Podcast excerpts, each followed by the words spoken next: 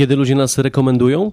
To pytanie na dziś, na które wspólnie poszukamy odpowiedzi. Jarek Brzeski, dzień dobry i zapraszam do wysłuchania kolejnego odcinka podcastu Networking w biznesie. Niniejsza audycja powstała na podstawie materiału wideo opracowanego przez Macieja Świerczyńskiego, dyrektora regionalnego BNI Polska.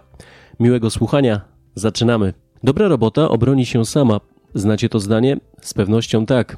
Ale czy tak dzieje się zawsze? Jaki procent zadowolonych klientów będzie nas polecać? W networkingu, jak doskonale wiemy, ważne jest przebycie drogi procesu od relacji poprzez współpracę aż do rekomendacji.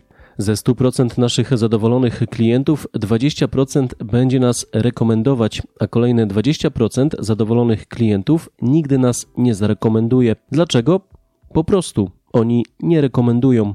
Nie chcą narażać się swojego dobrego imienia, obawiając się sytuacji, w której ktoś, kogo zarekomendowali, okazał się na przykład nierzetelny. Podsumowując, 20% zadowolonych klientów nigdy nie będzie nas rekomendować. Zostaje więc 60% zadowolonych klientów, którzy mogą i będą nas rekomendować, ale jeszcze tego nie robią. Kiedy więc zaczną?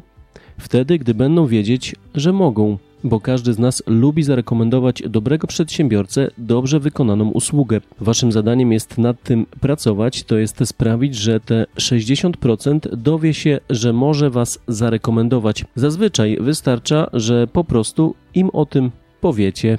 No i wreszcie, jaki procent niezadowolonych klientów zrobi Wam antyreklamę i tak zwany czarny PR? Nie mam dobrych wieści. 100% z nich. Jako przedsiębiorca powinieneś, powinnaś liczyć się z tym, że każdy Twój niezadowolony klient wyrazi negatywną opinię na Twój temat, gdy tylko będzie mieć ku temu okazję. Mało tego, zrobi to nie jeden raz. Raz jeszcze tytułem podsumowania. Z grona naszych zadowolonych klientów 20% będzie Was polecać, a kolejne 60% może Was rekomendować, ale tej ostatniej grupie należy pomóc. A jakie są Wasze przemyślenia i doświadczenia na ten temat? W jaki sposób informujecie swoich klientów, że mogą Was polecać? Piszcie w komentarzach.